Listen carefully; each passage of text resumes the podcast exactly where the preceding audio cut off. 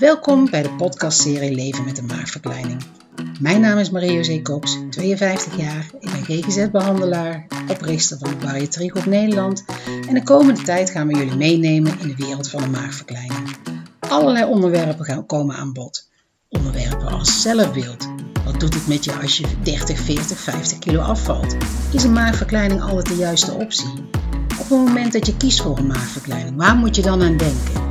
We gaan het ook over moeilijkere onderwerpen hebben, als wat moet je doen als je weer aangekomen bent? Hoe zorg je voor een gezonde leefstijl? Hoe zorg je ervoor dat je huidoverschot aangepakt wordt? Kortom, allerlei onderwerpen die er voor jou toe doen. Veel plezier met luisteren. Welkom bij de podcast Leven met een maagverkleining. Mijn naam is Marie-José Cox en vandaag wil ik je meenemen in wat er allemaal met je gebeurt als je een maagverkleining ondergaat. Nou, het is eigenlijk is er geen enkel verhaal hetzelfde. We hebben in de afgelopen jaren duizenden patiënten gehoord, duizenden lotgenoten gehoord, die allemaal hun verhaal verteld hebben.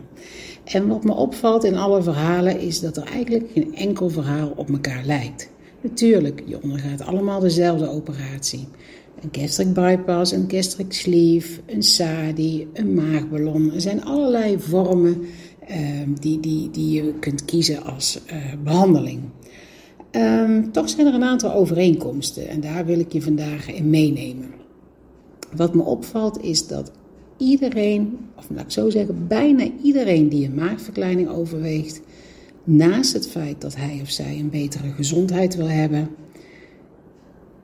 de droom heeft om, de hoop heeft, maar misschien ook wel de droom heeft om eindelijk blijvend gewicht te verliezen. Dus dit keer is niet even gewoon weer een crashdieet waarin je 20, 30, 40 kilo afvalt, maar daarna ook weer 40, 50, 60 kilo aankomt. De maagverkleining is een optie, is een behandeling waarbij je voor het eerst lijkt het wel mag hopen dat je blijvend gewichtsverlies hebt. En Natuurlijk ken ik ook alle verhalen van mensen die weer aangekomen zijn en mensen die, die niet blijvend op gewichtsverlies zijn, zijn gebleven. Maar, maar, maar dat, is, dat is niet reëel om daarvan uit te gaan op het moment dat je de maagverkleining ondergaat. Um, ik woog zelf 140 kilo toen ik begon. Ik was echt letterlijk dik tevreden met hoe ik in elkaar zat. Alleen mijn gezondheid was gewoon niet goed. En daarom besloot ik een maagverkleining te ondergaan. Nu, zeven jaar later, weeg ik 90 kilo, nee 93 kilo, ik moet het goed zeggen, maar ben ik wel 47 kilo stabiel kwijt. Dus dat houdt in dat ik eigenlijk niet aankom en ik val niet af. En ik heb wel een gezonde leefstijl gevonden. Een leefstijl die ervoor zorgt dat ik andere keuzes maak als voor mijn maagverkleining. Daar gaat het om. Dat is het belangrijkste. Um, kijk, de operatie zelf die doet heel veel voor je. Met name het eerste jaar zorgt hij dat je afvalt. Um, maar na anderhalf, twee jaar komt er een stabilisatie in je gewicht. Dus je, je gaat op een gewichtsplateau komen. Waarbij je niet meer af gaat vallen of zelfs aan gaat komen. Nou, zoals ik in de vorige podcast heb verteld, dat is normaal. Je komt gewoon 5 tot 10 procent van het afgevallen gewicht kom je weer aan. Dus hou daar ook rekening mee in je dromen en in je hoop. Want anders kan je alleen maar teleurgesteld raken. En dat, dat, dat vind ik nou zo belangrijk om vandaag te benoemen. Um, die teleurstelling, die, die, die moet je aan de kant zetten. Op het moment dat je besluit neemt voor een maagverkleining, moet je tegen jezelf zeggen van stop. Het leven met, met, met elke keer teleurgesteld raken van dat ik weer aangekomen ben en de schaamte daaromheen en nou ja, goed, dat yo-yo effect, daar moet je vanaf. Dat brengt je helemaal niks. Dat zorgt er alleen maar voor dat je eigenlijk meer aangekomen bent. Want we weten allemaal dat als we ons rot voelen, dat het veel moeilijker is om een gezondere leefstijl vast te houden, omdat we goed in ons vel zitten. Nou, die maagverkleining die geeft jou een optie, die geeft jou een kans om, om opnieuw naar je. Eigenlijk mag je opnieuw de puzzelstukken die je hebt, want, want, want je hebt de ingrediënten die, die, die bij jouw leven horen, die mag je opnieuw gaan rangschikken. En dat vind ik ook zo belangrijk. Dat als je je maagverkleining ondergaat, dat je met name dat eerste en dat tweede jaar waarin je heel veel afvalt, um, niet achterover gaat zitten en gaat denken van, oh, nou, eigenlijk hoef ik er heel weinig voor te doen en de maagverkleining doet toch wel alles voor me. Want op het moment dat je dan gaat stabiliseren of je gaat aankomen, dan ga je, heb je eigenlijk niet genoeg vaardigheden geleerd om met je nieuwe maag, met je nieuwe leven uh, om te gaan. En dat is belangrijk. Dat is hartstikke belangrijk. Ik weet niet of je mijn handboek naar de maagverkleining hebt gelezen. Daarin leg ik ook heel simpel uit van wat de drie fases zijn na je maagverkleining. Um, maar het is belangrijk dat je een gezonde leefstijl vindt, dat je een manier van leven vindt die bij jouw leven past. Want op het moment dat je dat niet doet en er gebeurt iets in jouw leven, ik noem dat live events, um, dan, dan, dan blijkt dat eten nog steeds een te grote rol speelt in ons leven. En dat is belangrijk. Het is belangrijk dat eten een minder grote rol krijgt in je leven. Het is belangrijk dat je, no matter wat er gebeurt in je leven, en in, in ieders leven gebeuren er ups en downs. Dat, dat, dat, dat is essentieel aan het leven. Alleen, we hoeven niet meer voor eten te kiezen om, om daar, dat, hoe moet ik het goed zeggen, om dat te hebben als, als middel om ons rustig te maken. We kunnen andere dingen kiezen. Je kunt andere vaardigheden leren. Um, Gabi en ik hebben een training geschreven, Grip op je gewicht. Die komt eind oktober uh, komt die, uh, uh, uit.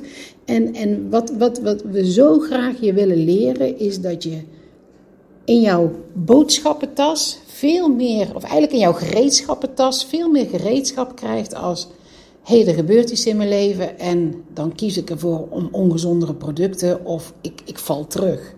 Want ten eerste verdien je dat niet, want je hebt hartstikke hard geknokt voor je maagverkleining en je maagverkleining voor jou. Want je moet maar eens beseffen wat je lichaam voor jou doet, dag in dag uit. Hoe het keihard voor jou aan het werk is. En die teleurstelling, zoals ik al net eerder zei, die brengt je helemaal niks. Dus wat ik heel belangrijk vind, is dat je vanaf het begin van je maagverkleining op zoek gaat naar een leefstijl die blijvend voor jou is. Ga jij in het begin zes, zeven keer sporten? Nou, ik voorspel je, dat doe je drie jaar later niet meer. En die adrenaline rush is dezelfde rush die we kregen van eten. Dus, dus eigenlijk ben je de ene verslaving dan het inruilen voor de andere. Wat belangrijk is, is dat je een stabiele manier vindt waarop je zegt van hé, hey, wat er ook gebeurt in mijn leven, ik hoef niet meer te kiezen voor eten. Ik kan me gewoon eens ongelukkig voelen. Of ik kan eens gewoon heel moe zijn zonder dat ik denk dat ik een doos chocolaatjes op moet eten. Of ik kan eens gewoon ruzie hebben met mijn vriend of vriendin zonder dat ik aan eten hoef te denken. Nou, daar gaat het om. De koppeling dat je gewoon eten gebruikt als een voedzaam iets wat je nodig hebt. En Kijk, ik ben het er niet mee eens dat, dat uh, sommige uh, zorgverleners uh, die, die zeggen van goh, eten is alleen maar een bron om, om jezelf te voeden. Nou, daar ben ik het niet mee eens, want ik vind dat eten een bonbonnetje moet zijn. Want op het moment dat dat niet is, dus gezond eten moet echt een bonbonnetje zijn. Want op het moment dat dat niet is, komen wij weer automatisch in die alles of niets valkuil, waarbij we heel vaak kiezen voor alles, terwijl we eigenlijk voor niets willen gaan. Dus het is belangrijk dat jouw gezonde leefstijl een combinatie is van goede voeding, beweging en ook wel de issues in je leven om die aan te pakken. Kijk, als jij, uh, uh, ik weet niet hoeveel problemen op je pad hebt en je pakt die niet aan, dan kan je van jezelf niet verlangen dat je rustig wordt op het moment dat er eten voor je staat je, je bent dan te laat. Je bent dan te laat in het schakelen. Je moet van tevoren zorgen dat je problemen aan gaat pakken. In de volgende podcast neem ik je mee hoe je actief kan zijn om je problemen aan te pakken, waardoor je dus meer rust gaat krijgen in je eten. Nou, bedankt voor het luisteren. Mijn naam is Marie-José Cox. Ik ben GGZ-behandelaar, zelf bariatriepatiënt en samen met Gabi van Vlokhoven medeoprichter van de Bariatriegroep Nederland het steunpunt en infopunt na je maagverkleining. Doei! Je hebt weer geluisterd naar een podcast van de Bariatriegroep Nederland. Het steun- en infopunt na je maagverkleining. Wil je meer weten? Of ben je op zoek naar andere informatie over je maagverkleining? Of wil je gewoon eens met lotgenoten praten? www.bariatriegroepnederland.nl Of je kunt ook altijd een e-mail sturen naar info.bariatriegroepnederland.nl Facebook en Instagram zijn we te vinden. Doei!